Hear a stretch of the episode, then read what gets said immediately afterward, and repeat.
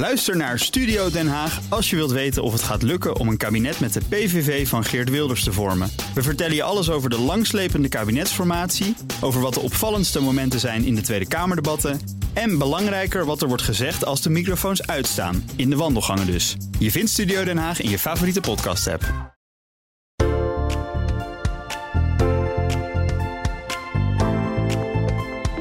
Welkom bij deze aflevering van PensioenPro in Gesprek.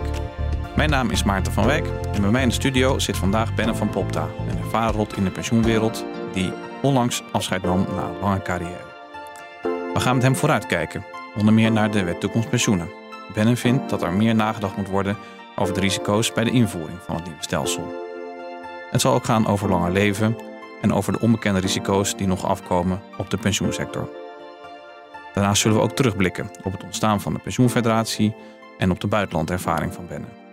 Hij is een van de weinigen in de sector die diepgaand heeft gekeken naar wat er buiten Nederland gebeurt op pensioengebied. Welkom, Benne. Dankjewel. Um, Benne, jij bent met de ingang van dit jaar met pensioen gegaan. Uh... Ik doe een kleine correctie. Ja. Uh, ik ben gestopt al een paar jaar geleden met het voorzitterschap van PMT. Ja. Uh, en ik ben afgelopen december gestopt ja met het uh, bestuurslidmaatschap van Pensioenfonds Detailhandel Precies. en het voorzitterschap van de Commissie Vermogensbeheer. Maar ik heb nog één baan in de polder. Huh. En ik ben voorzitter van de Stichting Private Aanvulling WW. Dat Mhm. heet in de volksmond het derde WW-jaar. Ja. Het derde WW-jaar is er gekomen toen het kabinet Rutte, ja, uh, maar Rutte 2 besloot om de wettelijke WW te bekorten. Ja, En aan sociale, sociale partners, partners die de ruimte van, we- gaven. ja, ja, ja, die, die, die ja. gaf die ruimte en daarvoor is een fonds in leven geroepen. En daar ben ik niet uitvoerend voorzitter van. En die plek in de polder blijf ik nog even Ah, ja. behouden. Maar dan ben je eh, met pensioen, in, eh, met pensioen in de pensioensector, maar Ja. nog niet in de polder. Ja, ja, Ja, ja. zo kan je dat goed samenvatten. Ja. Ja, nou jij noemde het zelf ook al. Hè? Het pensioenfonds Detailhandel was je voorzitter. Nee, PMT. ehm, in een wat verder verleden voorzitter van een vereniging van bedrijfstak pensioenfondsen. eh vicevoorzitter van Pensions Europe. Eh, het bestuur van pensioenfonds Schilders. De commissie DON, hè, dat was een van de was, dat was de eerste commissie parameters. Ja. Dat, dat is nog een, een, een bijzondere herinnering. Eh, want Chris Driessen en ik waren het niet eens met de onafhankelijke leden over eh, de hoogte van de equity risk premium. Zeg maar Mhm. even wat zouden aandelen doen Ja, boven, de, boven de rente. En toen heeft men besloten om er maar geen sociale partners meer in te zetten, maar alleen deskundigen. Oké, oké, dus eh, eigenlijk jullie aanwezigheid of jouw aanwezigheid in de commissie heeft ervoor gezorgd dat er nooit meer. Ja, niet zozeer mijn aanwezigheid, maar misschien wel de dwarsigheid van Chris en mij Ja, ja. om toch anders na te denken over de equity risk premium. Hmm. En dat ging over of is die nou 3% boven de nominale rente of 2 of daaromtrent. Terwijl Ja. de grootste vergissing, laat ik het zo maar zeggen, wij gemaakt hebben dat we er, het was 2009, simpelweg van uitgingen dat de rente in de komende jaren nog 4% zou zijn. Maar En dat is was het ook wel een- zo dat jij dan wel meer, dat jullie meer wilden dan die onafhankelijke leden? Ja, dat was hoger. Ja, Ja, dat was hoger. Maar- Maar eh, het, het verschil tussen 2 of 3 was niet zo groot. Oké. En de discussie over 4%, hebben, 4% rente hebben we eh, onvoldoende gevoerd. Ja, ja. en dat bleek het eerste onderuit te glijden. ja, dus eigenlijk heb je op dat moment op de, ja, heel erg op, de, op die aandelen gefocust. En terwijl je dat rente gebeuren totaal niet zou gaan komen. Ja. Toen. Ja, ja. ja. korte samenvatting. Ja. Nou, eh, nog even verder met het cv. Dan eh, de SER, eh, de STAR. ehm, en nou, niet in de laatste plaats natuurlijk de koninklijke, koninklijke onderscheiding die je hebt ontvangen dat vorig was- jaar. Nee, dat was niet vorig jaar, dat was naar aanleiding van mijn voorzitterschap van PMT. Ja.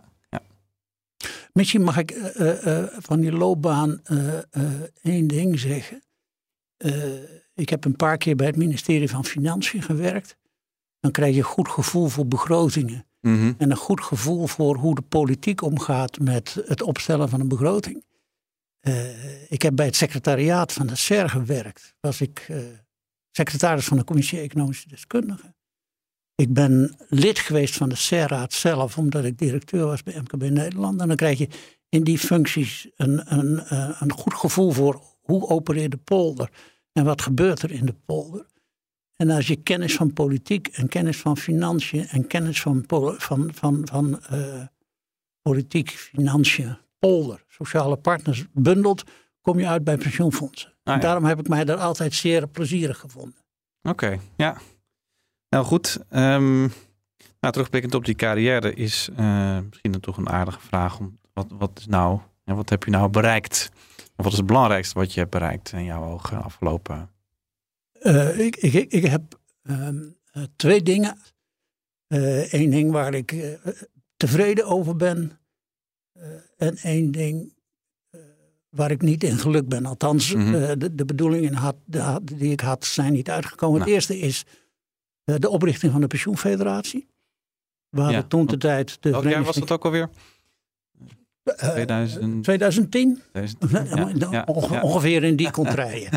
Eh, en ik was in 2004 of 2005 voorzitter van de Vereniging van Bedrijfstakpensioenfondsen geworden. En we hadden de Vereniging van Bedrijfstakpensioenfondsen, we hadden de Stichting Ondernemingspensioenfondsen en we hadden de Unie van Beroepspensioenfondsen. En die zaten, om zo te zeggen, allemaal in hun eigen lokale omgeving eh, en waren gewend aan een eigen lokale omgeving. Eh, en aan een eigen nestgeur. En wat er toen gebeurde was dat er gemeenschappelijke onderwerpen kwamen. Mhm. Ehm, als je via een premie het pensioenfonds niet meer op orde kan brengen, wat moeten dan de vermogenseisen aan pensioenfondsen zijn? Eh, als je een premie toezegt, hoe hoog moet dan de premie zijn? Dat zijn Ja. onderwerpen die niet alleen gelden voor een bedrijf. Nee, nou ja, maar dat, dat lijkt mij evident dat natuurlijk heel dat, dat, ze, een- dat ze in die zin allemaal dezelfde dingen ehm bezighouden. Maar ik vraag me meer af van wat zijn dan die verschillen?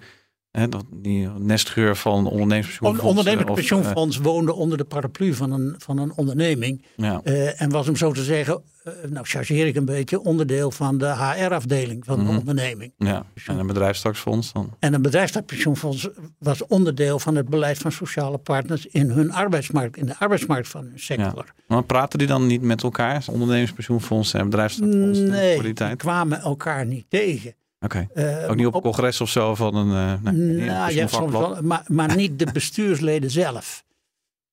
Ja, Dus maar is dat, dat, dat ze zo dan ehm, ja, best verschillend waren of weinig met elkaar praten, is dat misschien ook dan een verklaring eh, dat ze ook best anders gereageerd hebben destijds op de invoering van het FTK, met name dat introductie van het rentrisico. Hè. Dan wordt altijd gezegd, de ondernemingspensioenfondsen toch al sneller zijn gaan afdekken dan bedrijfstakfondsen. Dat, dat is, dat is ehm, eh, mijn waarneming toen ook geworden. Eh, eh, de CFO van een onderneming is erop gebrand dat hij op zijn balans geen problemen heeft vanuit het pensioenfonds. Ja. Dus mochten die problemen daar komen, dan moet je eh, dat risico afdekken. Ja, zelfs als dat misschien leidt tot iets minder indexatie, want dat was natuurlijk de vrees. Ja, ja, ja, ja, bij, Ja, ja, laat ik het. kon hem minder schelen, eh, CFO. Dat stond wat minder hoog op zijn lijstje. En ik weet van, eh, van CEO's en ook van CFO's dat ze zeiden wat we moeten voorkomen. Want die pensioenfondsen, ondernemingspensioenfondsen worden zo groot. eh, dat dat een eh, ongewenst effect heeft op de balans van onze onderneming. Ik herinner mij ook dat het pensioenfonds Vendex KBB bij het pensioenfonds Detailhandel kwam. En dat ik de meeste onderhandelingen gedaan heb met de CFO van Vendex KBB dan met de voorzitter van het ondernemingspensioenfonds. Oh, ja, ja, ja. Maar ni- niets ten nadele ervan. Punt blijft staan dat in de begintijd ondernemingspensioenfondsen gevoeliger waren voor het dichtzetten van het renterisico dan Ja. eh, eh, bedrijfspensioenfondsen. En dat bedrijfspensioenfondsen, kijk ook naar het vele wat Jan Tameres erover geschreven heeft, gevoeliger waren voor als ik het renterisico dichtzet, dan zet ik het inflatierisico open. Maar, eh, Maar hoe dan toen- ook- Toen die, toen die dan organisaties dan bij, el- bij elkaar kwamen. eh, ehm, nou goed, ze hadden relatief weinig contact. Eh, de ene kwam meer vanuit de onderneming, de andere meer vanuit de vakbondswereld. Hoe werkte dat dan als je ze samen probeerde te brengen? Tot welke... dan zie je dat eh, persoonlijke dingen eh, ook een rol spelen. Eh Luke Sibbing. En, eh, Van ook, OPF, hè? Ja, eh, Luke Sibbing was van de OPF. En inmiddels voorzitter van de ABP. inmiddels voorzitter van Ja. ABP. Helemaal grensoverschrijdend. En eh, ik ben even zijn naam kwijt van... eh, ja, Henk Schuit was eh, directeur van het pensioenfonds van Albert Heijn. Oké, En ik Ja. kwam van MKB Nederland. Dus wij waren met z'n drieën voor een deel ook werkgevers onder elkaar. Die Mhm. elkaars taal Ja, ja. heel gemakkelijk gesproken. En Willem Noordman, met Willem ben ik samen eh, voorzitter geweest van Pensioenfonds Detailhandel. En Willem heeft zich voor een belangrijk gedeelte ook bemoeid met de centen binnen de eh, bondgenoten en binnen eh, de FNV. Dus hij snapte de taal van centen ook wel. Dus die, die persoonlijke fit, daar zat het hem niet op. Eh, het zat er meer op, begrijp ik jouw cultuur, begrijp je mijn cultuur. En kunnen we daar samen toch een pensioenfederatie van maken, Ja. zodat we met één stem kunnen Maar praten. wat zijn dan elementen in die cultuur die het moeilijk zouden hebben gemaakt? Hè? Want uiteindelijk is het gelukt, maar die zeg maar de, de hobbels waren om dan één federatie te vormen. Dat is, dat is met, met de kennis van achteraf zou je kunnen zeggen, eh, een ondernemingspensioenfonds wordt meer als een onderneming gerund. Ja, En eh, een bedrijfstakpensioenfonds is meer een sociaal fonds, zoals er andere sociale fondsen zijn in het bestuur van een bedrijfstak. maar hebben ze dan verschillende belangen of zo? Bijvoorbeeld, eh, die, Nee, de invalshoek is anders. Maar echt concreet dat ze zeggen van het is iets. Ja. Nee, de, de, de, de acceptatie van eh, het FTK met een, ehm, een variabele rente werd makkelijker geaccepteerd door de OPF. Want dat renterisico ja. werd makkelijker gezien Ja, ja. dan dat bedrijfstakpensioenfondsen moesten wennen aan waarom moeten sociale instituten gevoelig zijn voor financiële criteria Ja. op korte termijn. Dat, Ja. dat soort. Maar je ziet nu langzamerhand dat eh, pensioenen wat wegraken van de onderneming, pensioenen wat wegraken van eh, de bedrijfstak en dat het meer op zich wordt gezien als Ja. een, een, een, een op zichzelf staande instelling die aan financiële criteria moet voldoen, maar een sociaal product levert. Ja. En zie je nu nog in, ja, eh, in de latere jaren was er ook nog wel sprake van een beetje een bloedgroepen binnen die pensioenfederatie nog steeds. Ja, maar dat is onuitroeibaar. Ja, nou ja, maar dat misschien, kijk, in, de huidige federatie is volgens mij is het ook zo dat er af en toe wel gedacht wordt van die grote pensioenfondsen, dat het ABP en, en, en zorg en welzijn enzovoort, dat die nogal de agenda bepalen voor de pensioenfederatie. Ja, groot en, het verschil tussen groot en klein is altijd geweest. Eh, Mhm. niet alleen in de, in de bedrijfstakpensioenfondsen, maar ook bij de ondernemingspensioenfondsen. Nou, misschien was dat ook wel een reden voor die ondernemingspensioenfondsen om te denken, nou misschien hoeven wij niet daarbij, want dan wordt juist onze stem wordt een beetje weggedrukt. En dan gaan ze vragen om eh, nou ja, een vaste rekenrente of zo. Of, eh, Je, je kunt verschillende opvattingen hebben over de rigiditeit van het financieel toetsingskader, maar dat je as such zodanig iets zou moeten hebben, was, eh, was geen punt van verdeeldheid tussen wie dan ook. wat was wel een punt van verdeeldheid? Er zweefde even het idee dat omdat de VB de grootste was, de VB wel de voorzitter van de pensioenfederatie kon leveren. Oh ja. Maar de OPF zei, zullen we maar een eh, onafhankelijke voorzitter kiezen. Eh, en eh, daar waren Willem en ik het, eh, ik het mee eens. En zo hebben we Kik van der Pol eh, als voorzitter van de pensioenfederatie Ja. gekozen. Want Kik, Hij komt uit de verzekeringswereld toch ook? ja, maar hij, hij, kent, hij kende natuurlijk. Ja, maar daarvoor eh, zat hij eh, ook in de wereld van pensioenen. En, en, en, en kende sociale partners. Oké. Dus in die Ja. zin was hij gewoon een zeer ervaren man. En een goede keuze. Oké, nou, dit, dit zijn dan hetgene wat ehm, gelukt is. Dan komen misschien ook een, ja, tijdens een carrière zijn soms ook dingen die wat minder goed lukken. En dat, ja, daar had je ook een. eh, In mijn werkzame leven heb ik bijna altijd een ehm, internationale poot in mijn werk gehad. Toen ik eh, eh, op het ministerie van Financiën werkte en verantwoordelijk was voor het opstellen van de Rijksbegroting, hadden wij bij de OCD een senior de budget- OESO. hè? De OESO, ja, ja, de ja. OESO Senior Budget Officials Club. Want mensen van het ministerie van Financiën eh, hebben geen vrienden in eigen land. Want ze zeggen altijd nee. Dus zoek Ja. je je vrienden over de Oh grens. ja, ja. En ga je naar, en dat was de senior budget officials. En de centrale vraag daarbij was, ehm, hoe hou jij de begroting onder de controle? Eh, In jouw wat- land. In Ja, jouw land. En, dan- En- en dan en- ging je naar België en naar Italië. En dan kwam je vro- vrolijker terug misschien. Ja, ja, ja. En, en, en daar kon je dus eh, van elkaar leren. En, en toen Gerrit Salm met zijn structureel begrotingsbeleid kwam, trendmatig begrotingsbeleid kwam, heeft hij dat ook in die wereld uitgevent. En hebben anderen gezegd, dat doen jullie zo gek nog niet.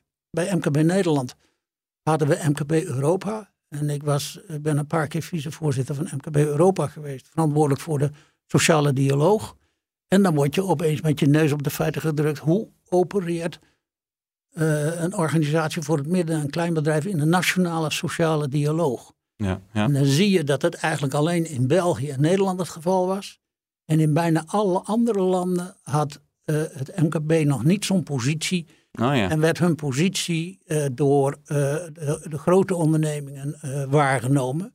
Ik heb dus van, van, vanuit die functies een, een grote behoefte om te die kijken. functies, want misschien, hè, want jij was dus, hebt, hè, dus in, in, op het gebied van pensioen heb je ook veel Europees ja. werk gedaan. Hè? Dit, uh, ja, je was vaak reisleider. Ik, uh, ja, uh, ik, ik noem dat wat chique delegatieleider. Ja. Nou ja, ja, ja. Nou, wat, reisleider klinkt misschien gezelliger. Ja, ja, ja. nee, de, de, de, algemene formule van die APEP-reizen was leuk en leerzaam. Ja, APEP? Wat? APEP, Atlantic Pacific Exchange Program. Het Ja, was, een, was een, een kleine organisatie met een groot adresboek. Mhm. En als je zei, uh, wij willen graag het Oostenrijkse pensioensysteem organiseren, be bekijken. Ja. Kun je dan een hotel en een bus en een vliegtuig regelen? Dan komen wij wel met de namen van de mensen die we willen spreken. Uh, okay. En dat deden we dan vanuit Pensions Europe. Sibylle Reichert uh, zat namens Nederland bij Pensions Europe. Dus die kende alle Europese hoofdsteden. En op die manier uh, was de organisatie in goede handen. Spraken we de juiste spelers in een land. En deden dat in drie dagen. En als je in drie dagen de goede mensen spreekt. Mhm. In Oostenrijk, in Duitsland, in Frankrijk, in Italië, in Engeland. Dan kan je in drie dagen vrij goed zicht krijgen op hoe ze een systeem hebben georganiseerd. En, en met wie gingen er mee op die reizen dan? Eh, Dat, dat was eh, eh, breed verspreid. Dat waren mensen van de toezichthouder, dus van de Nederlandse Bank en van AFM. Was meestal ook iemand van SZW aanwezig. Oh. Soms ook iemand van CPB. maar niet vanuit de pensioenfondsen Ja, zelf? en daarnaast vanuit de grote ja, ja. pensioenfondsen en de verzekeraars en soms een bank. Hoe groot was dan die groep? Eh, Eh, tussen de 15 en de 20. Oké. Dat was overzichtelijk en dat was te Ja. doen, want je kan niet met een bus vol bij iemand eh, Ja. in zijn kamer komen. Dus het was een, Was ook nog laat in de hotelbar soms? Of ja, hebben we nog, Ja, natuurlijk werd, er natuurlijk, natuurlijk werd er altijd nog weer nagesproken over eh, waarom doen zij dit en waarom doen wij dat. Ja, dus dan heb je in ieder geval op die manier dan toch wel een heel groot deel van Europa gezien. Ja, Denk dan. Misschien ook in de VS nog. Of, ik ben in de VS veel rondgelopen. Canada, Ik heb, zo. In Canada, ik heb, een van mijn leukere tijden heb ik doorgebracht eh, in Chili, waar de Oh ja. Nationale Pensioenfederatie mij vroeg, wil eens even meehelpen om te kijken hoe wij ons systeem een beetje kunnen aanpakken. Ja. Dat deed ik samen met eh, Pablo Antolin van de OECD. En toen we elkaar zagen, zei hij: Ik snap wel dat ze jou hebben uitgenodigd uit Ja. Nederland. Want er zijn twee landen ter wereld die veel praten over pensioenen, maar uiteindelijk niks doen. Dat zijn Chili en Nederland. En Ja. dat was vier jaar geleden of zo. Ja, Was ja, toen nog. Ik kan, ik kan inmiddels niet helemaal zeggen dat, Nee. dat we niks doen. Nee, Maar we hebben, nog af is het ook nog niet. Hè? Dat, eh, nee. Maar, Maar wat, het- wat heb je dan zeg maar in al die. Ja, wat heb je daar geleerd? Hè? Wat je dan eh, Dat mee zou willen geven in Nederland? Hè? Want het is toch een, Nederland is wel een beetje een. eh nou ja, navelstarig is misschien niet zeggen, maar Nederland heeft wel het, altijd het gevoel van ja, wij zijn ja, toch een van de allergrootste pensioenlanden van Europa. Ehm, en ja, het meest vooraanstaande pensioenland eigenlijk. In ieder geval binnen de EU nu, de Britten eruit zijn sowieso. Eh, dus we hebben niet heel veel te leren van al die andere landen. Volgens mij is dat wel een beetje het gevoel in Nederland. Eh, eh, het belangrijkste voordeel van buiten rondkijken is dat je het binnen anders kunt organiseren. Want er zijn andere systemen die op het op een andere manier kunnen doen. Eh, je hebt in hoofdlijnen twee systemen. Een kleine AOW met een grote tweede pijler. Of je hebt een grote AOW met een kleine tweede pijler. Mhm. Een grote AOW met een kleine tweede pijler is Duitsland. Eh, en een kleine AOW met een wat grotere tweede pijler is bijvoorbeeld Engeland. En is bijvoorbeeld eh, Nederland.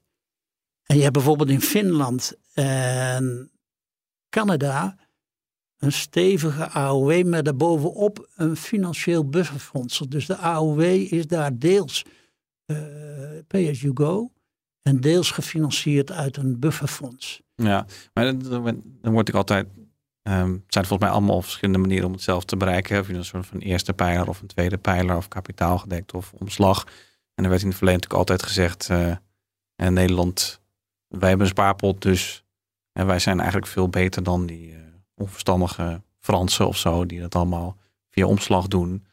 Ehm, maar inmiddels is dat ja, volgens mij niet meer zo evident dat dat allemaal beter is. Nou, wat we, wat we de afgelopen jaren geleerd hebben is, of de afgelopen tien jaar geleerd hebben, is dat een kapitaaldek eh, eh, systeem niet zonder problemen en vragen is. En soms is het een onrustig bezit. Ja. Um, en zeg ik wel eens, zijn financiële markten langer in de war dan jij als pensioenfondsbestuurder graag zou willen. Langer in de war is de rente gaat te lang één kant uit. De reële rente wordt negatief.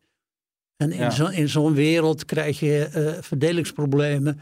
Ja, nou, dat was altijd het, dat, dat gezegde van de markets can stay rational longer than you, than you can stay solvent. Ja, ja, ja dat is een variant Dat kan op zich nog heel lang solvent blijven natuurlijk, solvabel blijven.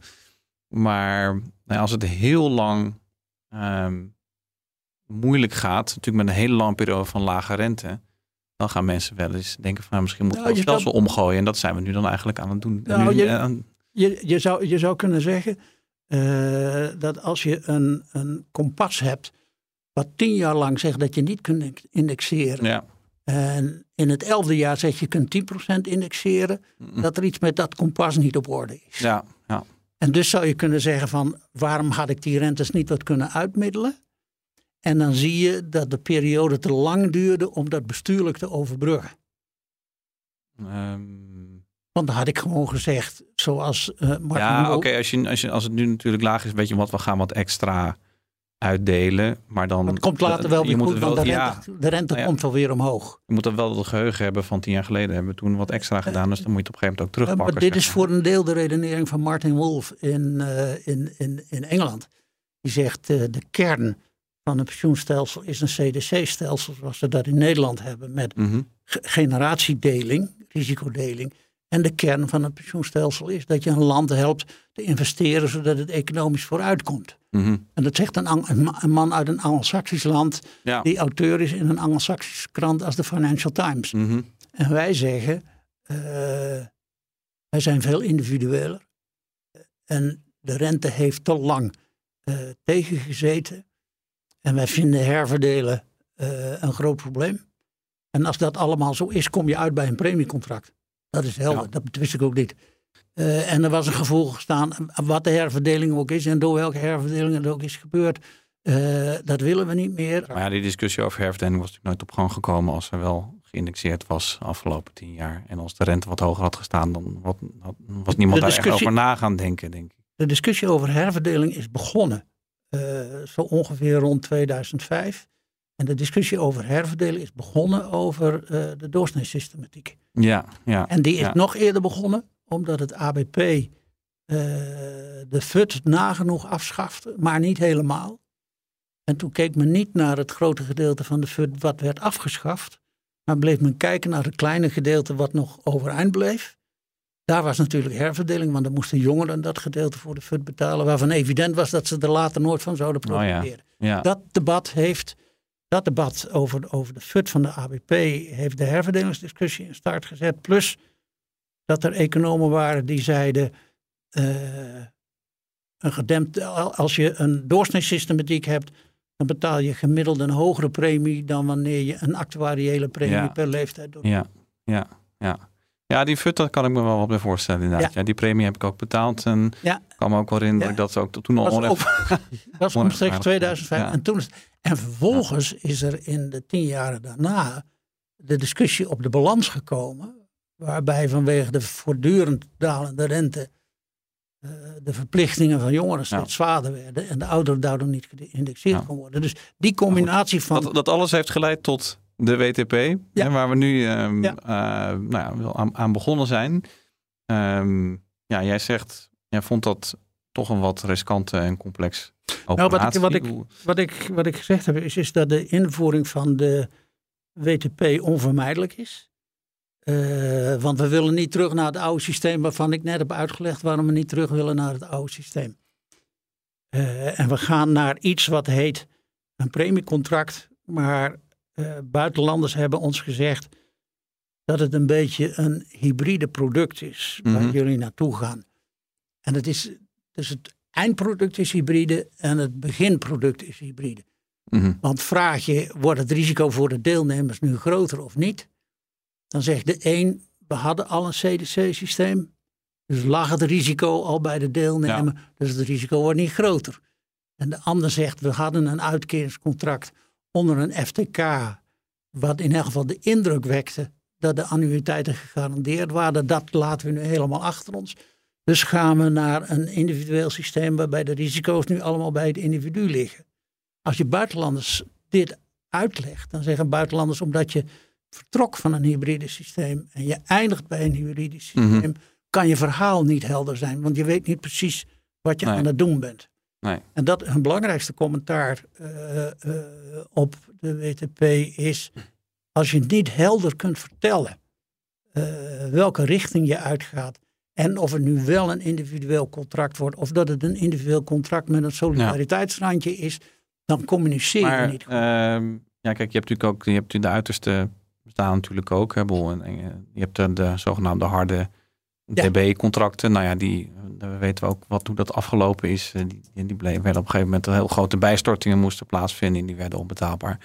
En je hebt natuurlijk het echte individuele DC met een eigen, ja, helemaal voor jezelf, hè, met een eigen potje enzovoort. Nou, dan sta je ook een, het een en ander risico's bloot. Dus ja, het is toch ook niet zo gek of eigenlijk wel lovenswaardig zou ik zeggen dat men probeert om iets eh, te maken wat zeg maar de beste van alle werelden combineert. Eh, nogmaals, ehm, eh, de invoering van de WTP is onvermijdelijk. Maar ik heb gezegd of die in deze vorm noodzakelijk is, daar kun je over twisten. Mhm. Eh, en een van de buitenlanders, en, en een van de lessen van de buitenlanders is geweest, eh, je moet vertellen wat je doet. En als je suggereert dat er ten aanzien van het risico eigenlijk wel iets gebeurt of niet iets gebeurt, of er ten aanzien van de individualisering wel iets gebeurt of niet iets gebeurt, dan heb je geen helder verha- verhaal. Nee. En als het, als, het, als, het, als het verhaal niet voor alle deelnemers hetzelfde is, ehm, dan moet je die verschillende verhalen ook vertellen. Ja. dat is volgens mij eh, waarom, waarom ik zeg dat de invoering riskant is. Mhm. Eh, want ik vraag mij af of de deelnemers wel voldoende meegenomen zijn in hoe het contract er straks precies gaat uitzien. Er is gesuggereerd dat het altijd betere uitkomsten zou hebben. Ja. Dat is op een rekentafel zo, maar of dat in de praktijk ook zo is, is maar zeer de vraag. Want deelnemers gaan niet relatief rekenen. Ben ik onder de WTP beter uit dan onder het FTK? Mhm. Maar mensen gaan absoluut rekenen. Is Ja, mijn pensioen volgend jaar beter dan mijn Maar pensioen dat, vandaag? dat, dat, dat, dat, dat heb je met het FTK ook. Dat kan natuurlijk ook dan slechter zijn. Dan zeggen, Ja. Zullen deelnemers misschien niet zeggen, hadden we maar de WTP ingevoerd? Ja, maar eh, dus die vergelijking maakt men niet. Men vergelijkt gewoon eh, Ja. de, de, de, Ja, maar dan is elke economische neergang een risico voor de hervorming. Ja. Eh, ja, maar dat, is de, ja. Ja. dat zeg je nou wel heel gemakkelijk. Maar elke economische neergang, straks heb ik iets over tegenwind, maar elke economische neergang is een risico voor de introductie van Ja. dit nieuwe systeem. Nu zit je in de fase dat je het contract moet invoeren. Eh, dan moet je aan deelnemers vertellen hoe het contract er precies uitziet. ja. Eh, en dan moet je zeggen dat het met een hoop onzekerheden is omgeven. Als je ook nog iets wilt vertellen over hoe de economische omstandigheden eruit zien. Maar dat is niet mijn enige punt. Nou ja, misschien toch nog even terugkerend, hè? want Ja. je zegt van het is een beetje, ja, het is wat een beetje onduidelijk eh, wat het wordt. Ik denk dat het misschien ook wel dat zo is, omdat het ook het product is van een eh, onderhandeling. Yep. Eh, En, en er waren partijen die zeiden, nou we willen graag een heel erg individueel pensioen, wat je Ja. gewoon kan meenemen als een rugzakje en je kan het, je kan het opnemen als het je uitkomt. Ehm, en er waren anderen die dat natuurlijk absoluut niet wilden. Ja. Eh, en uiteindelijk hebben we een compromis gevonden waarbij in ieder geval de suggestie is dat een individueel iets is. En je hebt wel een eigen rekening, maar je kan nu vrijelijk over beschikken. En je zit, het is nog steeds onderdeel van een collectief. Ehm, dus dat, dat is, draagt natuurlijk alle tekenen van een compromis eh, in zich, zodat beide partijen naar huis konden gaan en zeggen, nou, eh, de SNW of D66 bij wijze van spreken destijds kon zeggen, dit is individueler geworden en de bonden kunnen zeggen, ja, maar het is ook nog steeds collectief. Alleen het maakt het natuurlijk niet makkelijker om dat dan uit te leggen aan, eh, aan het land. Ja, en dat is nu net de cruciale eh, eh, fase. Ik heb lang genoeg in de polder gewerkt om te weten dat je er zonder compromissen niet komt. Maar wat je in elk geval moet doen, is zeggen: wij kwamen van verschillende aan, aanvliegroutes nabij. Sommigen wilden individueel, anderen wilden het collectief. We hebben dat gemixt, dus we komen uit met een gemixt contract van individuele en collectieve elementen. Uh, waarbij dat, dat, dat, zou dan wel een, verhaal zijn waarmee de boer, de boer op zou kunnen, zeg maar. Dit is... Ik zou met zo'n verhaal de boer op gaan. Ja. Ja. En, en, en, en daar komt nog bij, uh, ik vind de invoering uh, riskant, want je doet alles op één moment. Ja. En als je het op één moment doet, dan ben je afhankelijk van de economische parameters. Van nou, wat bedoel je met alles? En het is ook niet op één moment, toch? Het wordt verspreid over. Uh, nee, maar elk pensioenfonds doet het op één moment. Ja. Elk pensioenfonds, ja, alle pensioenfondsen op één moment gaat niet lukken, want nee, daar hebben we de capaciteit niet voor. Maar een pensioenfonds doet het op één moment. Uh, en dan is het afhankelijk van de economische parameters van dat moment. Dus de dekkingsgraad van dat, dat moment. Ja. Die gaan ze dan beschermen nu. Hè? Of ja, dat kan toevallig. ja. of dat verstandig is, maar Joost weten. Maar dat is, die is dan toevallig hoog of die is toevallig laag. En het mhm. komt op 1 april of op 1 september beter uit dan op 31 december. Ja, ja soms eh, als je het nu doet, dan kan je heel veel geld uitdelen. En als je het een jaar later doet, dan, dan, dan, dan, dan, dan, dan valt het en uit. dan moet je de premie verhogen. Ja, en invaren betekent technisch, uh, ik formuleer het wel eens zo, elk jaar gaat één jaring met pensioen. Mm Invaren betekent dat alle jaarringen, uh, jaarringen tegelijkertijd met pensioen gaan. Dan moet je dus voor de hele sector, uh, voor je hele pensioenfonds, moet je alle data van alle individuele deelnemers op orde hebben. Dus invaren is meer een data-exercitie dan een waardeoverdracht. Um, het is een data-exercitie, maar het is ook een moment dat je een afrekenmoment. Ja. In feite van, hè, uh, en je hebt, liever je, dat... je aanspraak en we gaan dat nu waarderen, maar ja, dat, dat over een ja, je gaat het nu verdelen en dat over een jaar wat anders kunnen zijn. Maar wat zou dan eh, de alternatief, het alternatief zijn voor dat in één keer doen? Daar krijgen, daar krijgen pensioenfonds eh, of uitvoerders een hartverlamming van. Uh, je kunt het natuurlijk in vijf stapjes van 20% doen. Ah, oké. Ja, ja. Dan zeggen ze natuurlijk, ja, maar dat kunnen we allemaal niet organiseren. We gaan geen systemen naast elkaar doen. Maar wat, wat voor stapjes zijn dat dan? Ik bedoel... dat, dat, dat je eerst de, de, de, de, 50 tot 67-jarigen doet Per cohort de, in feite ja, dus. Ja, per leeftijdscohort. Want die, mhm. die oudste jaringen komen toch binnenkort aan de orde. Ja. Dus dat kun je dan doen. En dan uh, belast je je administratie niet zoveel. Ja. En ben je ook minder afhankelijk van de economische omstandigheden. Maar dan, dan krijg je dan niet juist een soort van... dat één generatie dan op een, eigenlijk op een voor hun heel gunstig moment gaat... en dan die een jaar later is het ingestort en dan komt, dan komt, dan komt de volgende uh, Ja, maar dat is all in the game als je iets koopt. ja, ja, ja, dat, Is, dat is wat ik liever heb, is dat we de risico's onder ogen zien van op één moment per pensioenfonds alles laten overgaan. En om te kijken of je dat risicomoment wat kunt uh, spreiden. spreiden. Ja, maar wat dus het is voor, mij, uh... voor mij is het dus een invalshoek van risicobewustzijn. En niet zozeer dat ik zeg van dat contract hoeft voor mij niet. De route naar een premiecontract, dat gaat gewoon gebeuren. Mhm. Maar er zijn elementen in uh, waar je nog eens naar zou kunnen kijken. En je kunt het nu doen, nu zowel de Tweede als de Eerste Kamer ja gezet heeft, gezegd heeft tegen deze wet. Mhm. uh, waarbij ze eerder dachten van als mensen wat aan de wet zitten te morrelen, dan willen ze misschien de wet niet. Dat is nu niet meer aan de orde. Oké. Nou ja, ja is, is dat, ja. Um, wat jou betreft kan er dus nog wel wat gesleuteld worden aan die WTP in zijn huidige vorm. Ik zou met het, uit het oogpunt van risico willen kijken of uh, de transitie minder riskant gemaakt kan worden. Ja, en, en het contract minder complex. Oké, maar dus dan, dan blijft hij langer overleven. Is dat, dat verhaal, die zegt van oké, dat invaren in één keer kunnen we misschien proberen dat te spreiden. Waarbij ik meteen zeg dat de uitvoerders daar een hartvlamming van krijgen. Maar dus... wat vind je dan hè, in, dat, uh, in dat verband van, het was natuurlijk het voorstel wat nu eigenlijk op tafel, meest concreet op tafel ligt, is het ingroeien. Ja, dus dat je, uh, dat je eigenlijk zegt van nou, we gaan, we gaan die oude rechten laten we gewoon, de oude rechten laten we gewoon staan. Ja. En de rest begint uh, met, een, met een premieregeling. En nou, op het moment dat jij met pensioen gaat, dan koop jij wat jij daar had, had opgebouwd in die premieregeling. Daarmee koop je ook in in het collectief. Dat gaat wel langzamer dan wat jij zegt. Want het gaat over vijf jaar. En dit, duurt natuurlijk vijftig jaar voordat je dan helemaal ingegroeid bent. Ehm, maar goed, wat vind je van dat idee dan? Ik vind dat een onhandig idee. Want je moet uh, uh, niet zo lang uh, verplichtingen in een soort weeshuis achterlaten. Wat je in Engeland ziet zijn nu twee dingen. Een weeshuis, geen sterfhuis. Hè? Dat is weer net... Ja, wat zei ik? ik je, zei, je zei weeshuis, maar er, er werd een keer sterfhuis genoemd. Ah ja, er wordt niet goed naar je omgekeken. Nee. Laat, laat ik het zo formuleren. Je staat niet op de prioriteitenlijst van deze en gene. In Engeland zijn er nu uh, twee mogelijkheden wat je ziet. Uh, doordat de rente is gestegen, zijn de verplichtingen minder waard geworden. Uh, en de aandelen zijn gestegen. Dus heeft de onderneming meer vet op de botten. Dus de onderneming is nu meer in staat om de oude regelingen gewoon af te betalen. Ja. Dan wel een contract te sluiten met een verzekeraar. En voldoende ja. geld over te hevelen naar een verzekeraar. Zodat je niet alleen ja, buy-out uh, dan. Buy-out. Ja. Dus of je gaat mee met het nieuwe, of je gaat mee naar een verzekeraar. Maar ergens in achterblijven, noemen een sterfhuis, noemen een weeshuis, die krijgt te weinig aandacht. Ik denk dat op zich nog wel voldoende aandacht voor zal zijn dan. Hè? Want zit toch nog steeds, iedereen zit er nog steeds bij. Dat die premieregeling misschien wat meer de aandacht voor is. Want dat is natuurlijk... Um, ja, dat zal zeker de komende decennium zal nog veel aandacht uitgaan naar die gesloten rechten. Ja, maar je kunt er verder niks aan doen. Nee.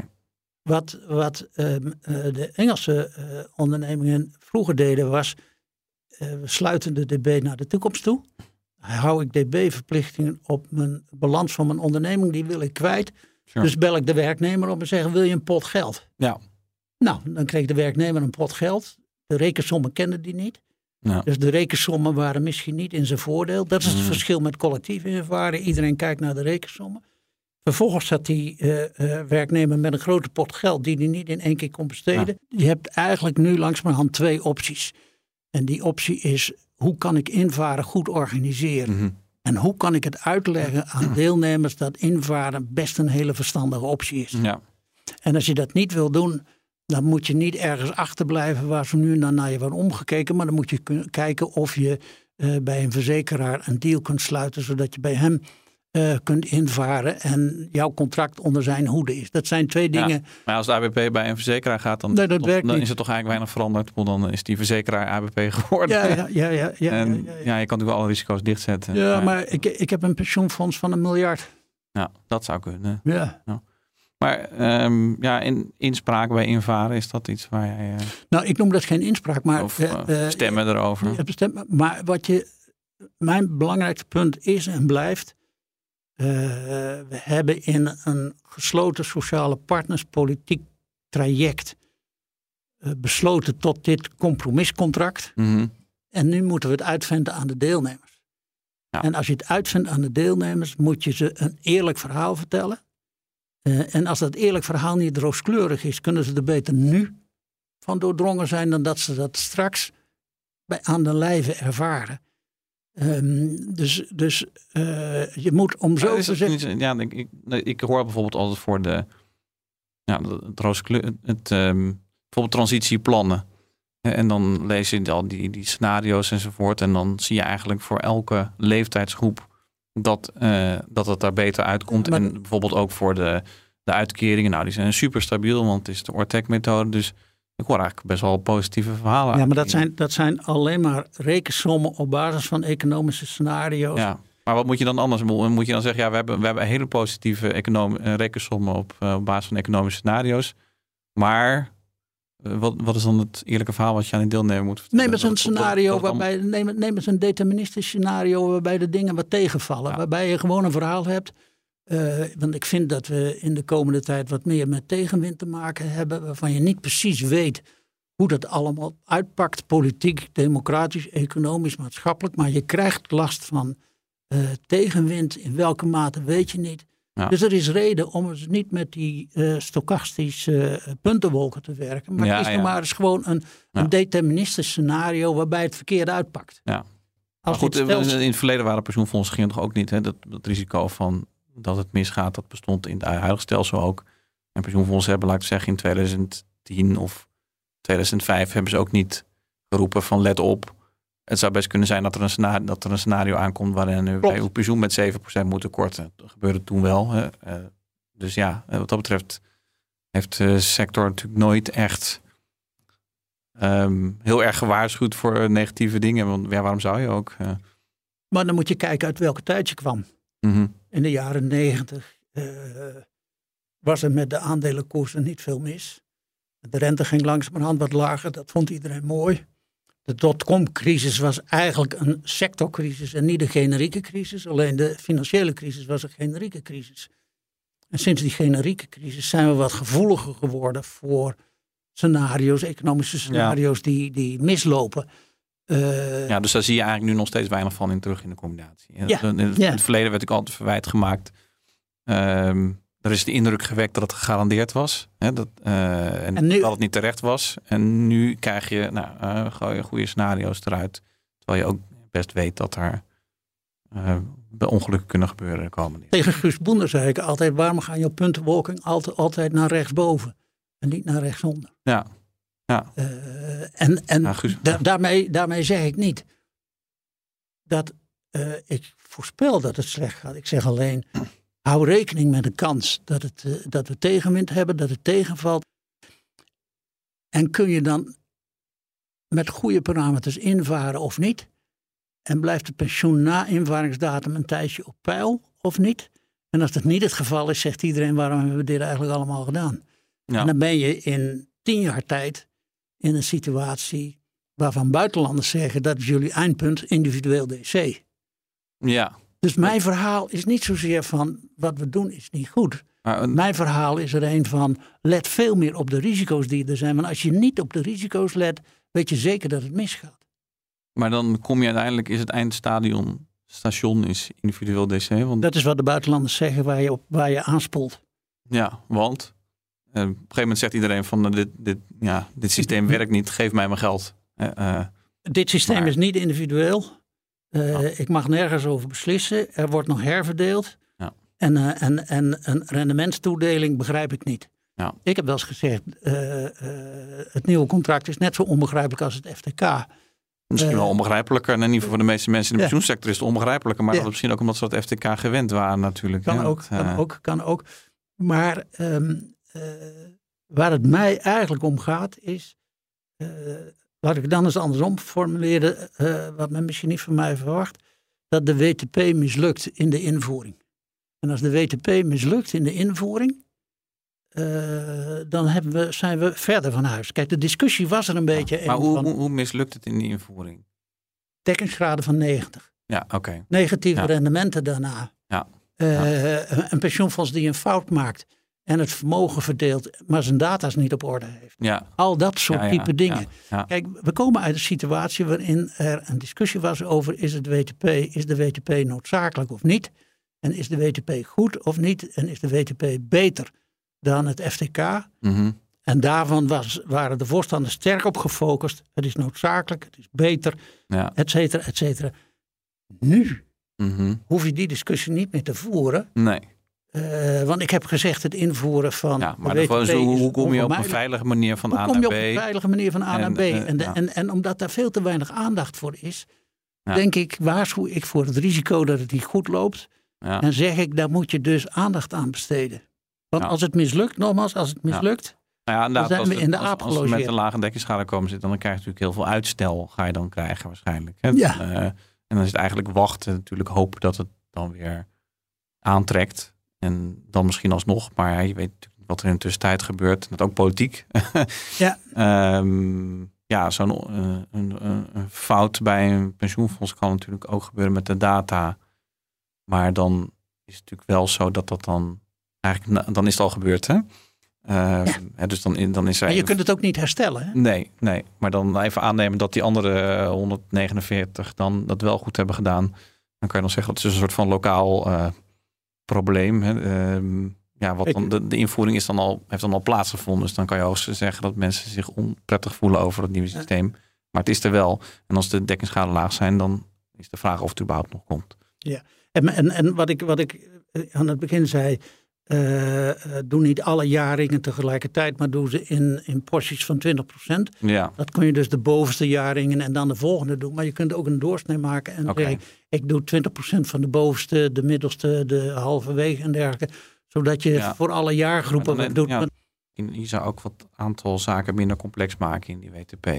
Oh, dat is met name de, de, de, de, het toedelen van, het, van het rendement. Oké. Mhm. Eh, waarvan ik niet weet dat als het rendement van een pensioenfonds X is. Ja. En de gepensioneerden krijgen X min Z.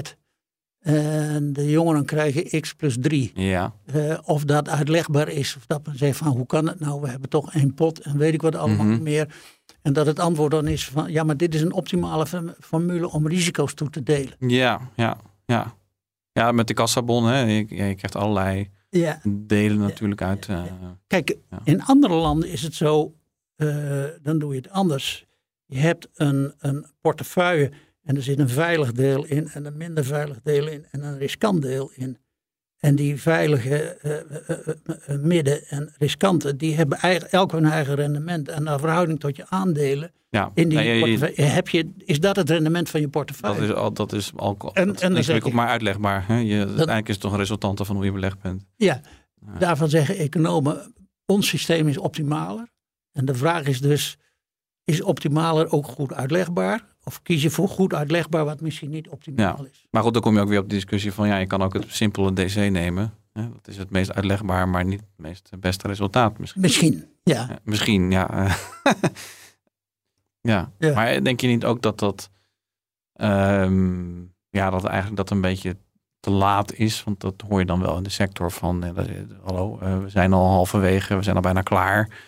Nou, misschien is het sterk uitgedrukt, maar we zijn al heel ver op weg. En als we nu weer een jaar of anderhalf jaar niet weten waar we aan toe zijn, ja, dan kunnen we, ehm, dat gaat tot wel hele grote vertraging leiden. Dat kunnen we eigenlijk niet gebruiken nu. het is uh, puur een afweging tussen, um, houd ik strikt vast aan wat we hebben besloten, versus heb ik oog voor risico's waarvan ik denk, daar moet ik misschien toch wat aan doen. Mm en, ja. uh, en ik ben nu met pensioen in pensioenland. Mm. Dus ik blijf nog wel wat op de hoogte. Maar om me ermee te bemoeien, vraag ik me af of ik dat blijf doen. Tenzij ik iets zie waarvan ik denk van nou, dat, dat, dat doe ik nog even aan mee. Ja, nou ja maar je had toch wel nog wel plannen om je te gaan bezighouden met de toekomst van de wereld en zijn weerslag die dat heeft op pensioenbeleggingen. Nou, dat is, dat is wat uh, um, uh, algemeen geformuleerd. Uh, bij mijn afscheid van pensioen van detailhandel heb ik tegen het verantwoordingsorgaan gezegd: uh, wat gaat er in de toekomst gebeuren? En mijn antwoord was uh, twee dingen. we krijgen meer last van tegenwind. Ja. en het tweede is: misschien moeten we nog eens opnieuw naar onze pensioenen kijken als, als manier waarop we dat in uh, ons land georganiseerd hebben. Dat hoeft niet van vandaag op morgen, maar dat kan misschien wel op een wat uh, langere termijn. En dan doel ik op uh, het boek wat Camilla Cavendish heeft geschreven, dat heet Extra Tijd. Mm -hmm. extra tijd? Extra time. Ja, extra time. Extra ja, ja, we, hebben, we hebben extra tijd gekregen. Iedereen die denkt aan extra tijd, die denkt hm. aan een langere verlenging. Maar zij zegt, die extra tijd komt niet aan het eind. Die extra tijd komt in het midden. Of die komt vanaf eind jaren 50 tot begin jaren 70. Uh, ja, van je eind van je 50 ja, tot eind je Van je ja. Die extra tijd wordt daarin geplust, uh, toegevoegd. Dus krijg je een extra vraag op tafel over uh, hoe ga ik die tijd dan vullen. Mm -hmm. Dus een eeuwige 50 eigenlijk, een langere 50. Langere, ja, langere 50 jaar. Is dat leuk? Ja, ik weet niet, is 50 dan de fijnste levensfase is om dan nog wat extra jaartjes van te krijgen? Uh, uh, er is een ander boek, Charles Handy, van 2015, die schrijft over de second curve. Mm -hmm. En die zegt eigenlijk, als je naar een carrière kijkt, dan is dat een curve opgaan, blinken en verzinken. Ja. En in die oude tijd kon je dat wegzakken zodanig uitstrekken dat je met wat fut en aanverwante zaken naar je pensioendatum kan. En nu, nu, nu zegt hij, ik combineer dat met uh, uh, Camilla Cavendish, die zegt we hebben extra tijd vanwege gezondheid en dergelijke. Heb je dus een tweede curve nodig mm. om op een goede manier aan te spoelen. Ja, je moet eigenlijk je, carrière als soort van opnieuw een, een zwiep omhoog geven. Ja, of het is dezelfde carrière of het is een andere carrière. Mhm. dat, dat hangt er maar van af. Ik ben uh, bij MKB Nederland. Ik ben bij het ministerie van Financiën vertrokken toen ik 43, 44 was. En ik ben bij MKB Nederland terechtgekomen. Dat was een grote, grote switch. En vervolgens ben ik, was ik 50, 52, ben ik in de pensioenwereld terechtgekomen. En mijn pensioenwereld is eigenlijk mijn second curve geworden. Ja, ja, omdat ik daar de dingen die ik in het verleden gedaan had allemaal kwijt kon. En als gevolg van die second curve kun je, net als ik, in de pensioenwereld actief blijven. En ik ben nu 71. Uh, je bent het levende bewijs van uh, extra tijd uh, bijna al. Hè? Van, ja, ja. ja, kijk eens of je um, je arbeidszame leven een nieuwe schwung kunt geven. Dat is dus iets anders dan een half jaar verlof. en Camilla zegt, omdat we gezonder zijn en gezonder blijven leven. En als je je hersens maar kraakt, dan kun je het ook allemaal volhouden. En als dat Ehm, het nieuwe pensioen is, dan gaat het pensioen op een latere datum in. En uh, is de fade-out, fade-in ook over meerdere jaren uh, gespreid. Dus krijg je onmiddellijk. Maar wat zou dat dan voor de pensioenuitkering betekenen? Misschien heeft iemand dan halverwege zijn loopbaan wat een uitkering nodig. Of uh, met het nou, oog op zeg maar die, die extra sweep. Um, om, ik ben, ik ben dan, om zichzelf opnieuw uit te vinden op het moment dat hij 50 is. Ik ben nooit eh, van mening geweest dat je pensioengeld voor andere dingen voor pensioenleeftijd moet gebruiken. Want je mhm. komt altijd allerlei tegenslagen tegen waarvoor je pensioengeld zou willen gebruiken. Gebruik het nou maar voor um, uh, je pensioendatum. Want opeens heb je 10% inflatie die als je bij een verzekeraar zit of bij iemand anders zit niet vergoed wordt. En dan krijg je alleen een inflatievergoeding uit je AOW. Dus Ga er maar vanuit dat je wat je spaart voor je pensioen ook tijdens je pensioen nodig hebt. Uh, en als je je uh, carrière een nieuwe swing wilt geven, dan moet je dat uh, samen met je oude werkgever of je nieuwe werkgever moet je dat zien te organiseren. Oké, okay, dus daar hebben pensioenfondsen geen rol in deze nee, wereld nee, eigenlijk. Nee. maar, maar wat je wel ziet is dat als je op je 50ste of 55ste nog iets nieuws bedenkt en tot je zeventigste wilt werken, dan kan je dat natuurlijk niet doen op de oude manier waarop we dat nu doen. Mhm. Dan moet je op een gegeven moment kijken van wat is het karakter van mijn werk als ik langer blijf doorwerken. Uh, en als ik, dat is een ander argument voor mij, als je van je zeventigste tot je 85ste leeft, dan komt er ergens in die 15 jaar wel een economische crisis die je moet opvangen. En dan is het wel handig dat je je arbeidscapaciteit niet tot nul hebt afgeschreven zodat je, uh, in mijn ogen bestaat het pensioen niet alleen uit een AOW en een tweede pijlerpensioen, uh, maar ook uit de mogelijkheid om zelf nog wat actief te kunnen zijn. Uh, uit sociale netwerken die je hebt. Want als je dakgoot lekt, moet je iemand halen. En als je kraan lekt, heb je iemand nodig. Maar als je juridisch advies nodig hebt, heb je weer iemand anders. Mhm.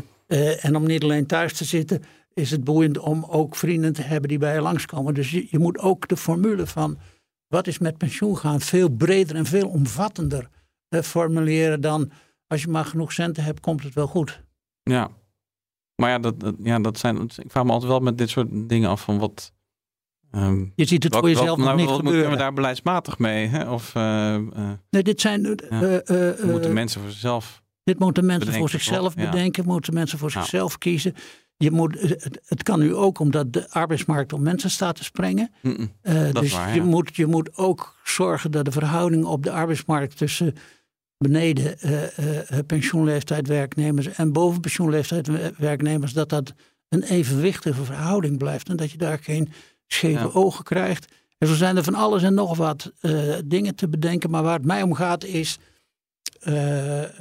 die extra time en die second curve brachten mij tot het idee dat je je arbeidszame leven, vooral de, de, de, de, het laatste kwart, de laatste 30 procent, op een andere manier moet invullen dan dat je je bestaande baan maar verlengt en verlengt en verlengt. Dat is onhandig en daar wordt iedereen niet, niet gelukkig van. Nee, wordt ook een beetje eentonig op een gegeven moment. Hè? Ja. Ja. Ja. en als je inderdaad iets anders gaat doen, als je natuurlijk meerdere, in die jaren kan je natuurlijk ervaring uit meerdere maar ik heb eh, natuurlijk... disciplines combineren. Hè. Je wordt, je wordt uh, ja, het is een nadeel om ouder te worden in zekere zin. Je kan wat, uh, ja, je, je, je, je, pikt misschien niet snel, minder snel nieuwe dingen op, maar je hebt natuurlijk, en dat weegt niet op een gegeven moment ook niet altijd meer op tegen de ervaring die je eerder hebt opgebouwd. Maar als je dat op een nieuwe manier combineert, Ja. En zoals jij hebt gedaan, dan is dat wel weer heel waardevol, denk ik. Ja. Nou, misschien nog even tot slot, eh, want jij had in het voorgesprek had je het ook over de, de aanstormende grijze neushoorn.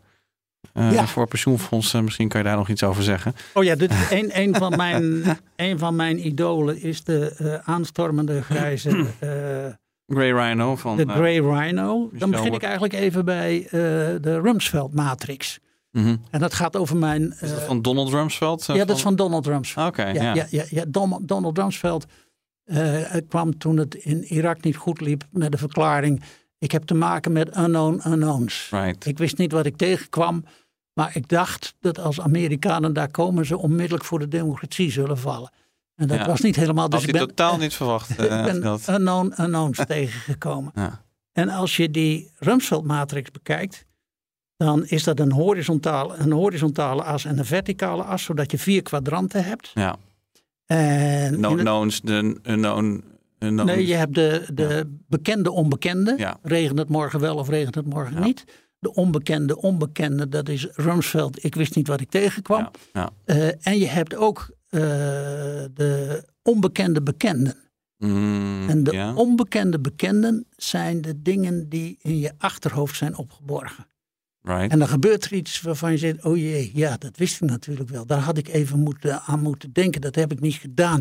Ja, Ine- Ineens een, een rente die ineens daalt. Eh, ik wist dat het kon, ja, maar ik geloofde dat er toch geen aandacht aan besteed. Maar er is- zijn ook eh, onbekende bekenden, dat zijn dingen waarvan je weet dat die gebeuren. Een keer, je weet alleen niet wanneer. Eh, en daar vind je een argument in, kicking the can down the road, Hm. om daar maar even geen aandacht aan te besteden. En zij zegt, veel van onze problemen ontstaan omdat we er geen aandacht aan schenken, omdat het op korte termijn niet nodig is. Maar op een gegeven moment wordt dat probleem te groot.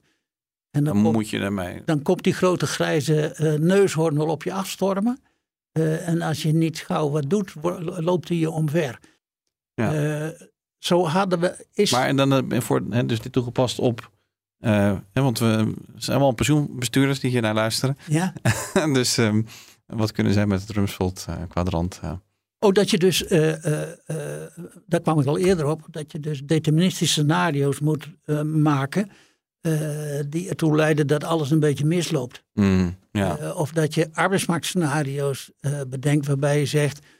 Misschien is het reële loon hoger dan het reële rend- rendement op aandelen. En is het handiger om te blijven werken. Dus het zijn Ja. allemaal tegendraadse opvattingen. die niet gemakkelijk in het gehoor liggen. Maar die Ja. best nuttig zijn. Nou ja, je noemt natuurlijk, te eh, denken. je kan natuurlijk best een, een heel erg negatief scenario bedenken. Hè? Eh, nou, je noemde het zelf al in, eh, wat, in wat we hiervoor bespraken. Nou, de maatschappelijke verdeeldheid in Nederland. Nou, de grote tekorten aan van alles, hè, aan arbeidskrachten. En naar oorlogen die op dit moment best nog, ja, nog niet echt een einde in zicht is.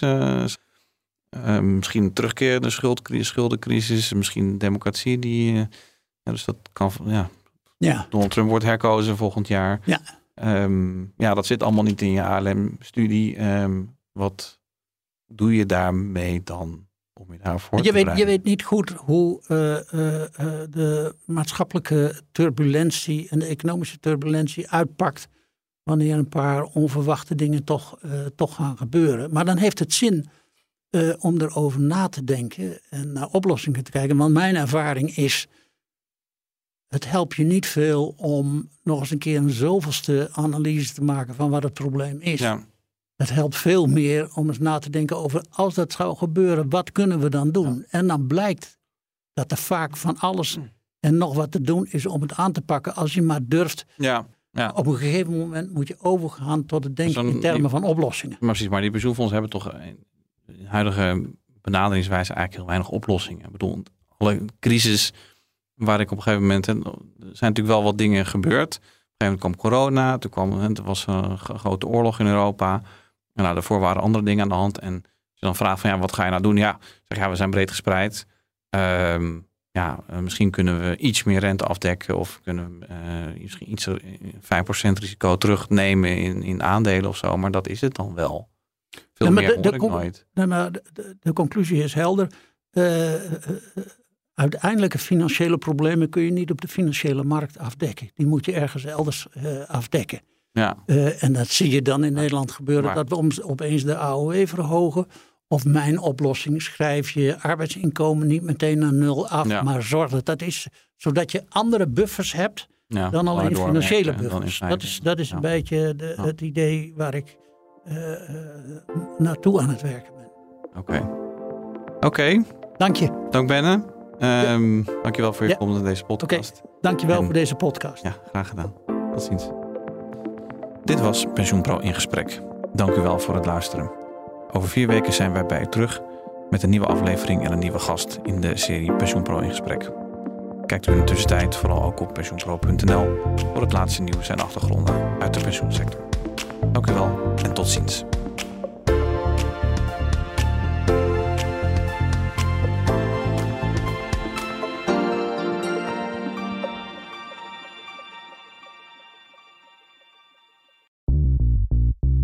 BNR ben je altijd als eerste op de hoogte van het laatste nieuws. Luister dagelijks live via internet. Bas van Werven. En heel langzaam komt de zon op rond dit tijdstip. Je krijgt inzicht in de dag die komt op BNR, het Binnenhof in Nederland en de rest van de wereld. De Ochtendspits. Voor de beste start van je werkdag. Blijf scherp en mis niets.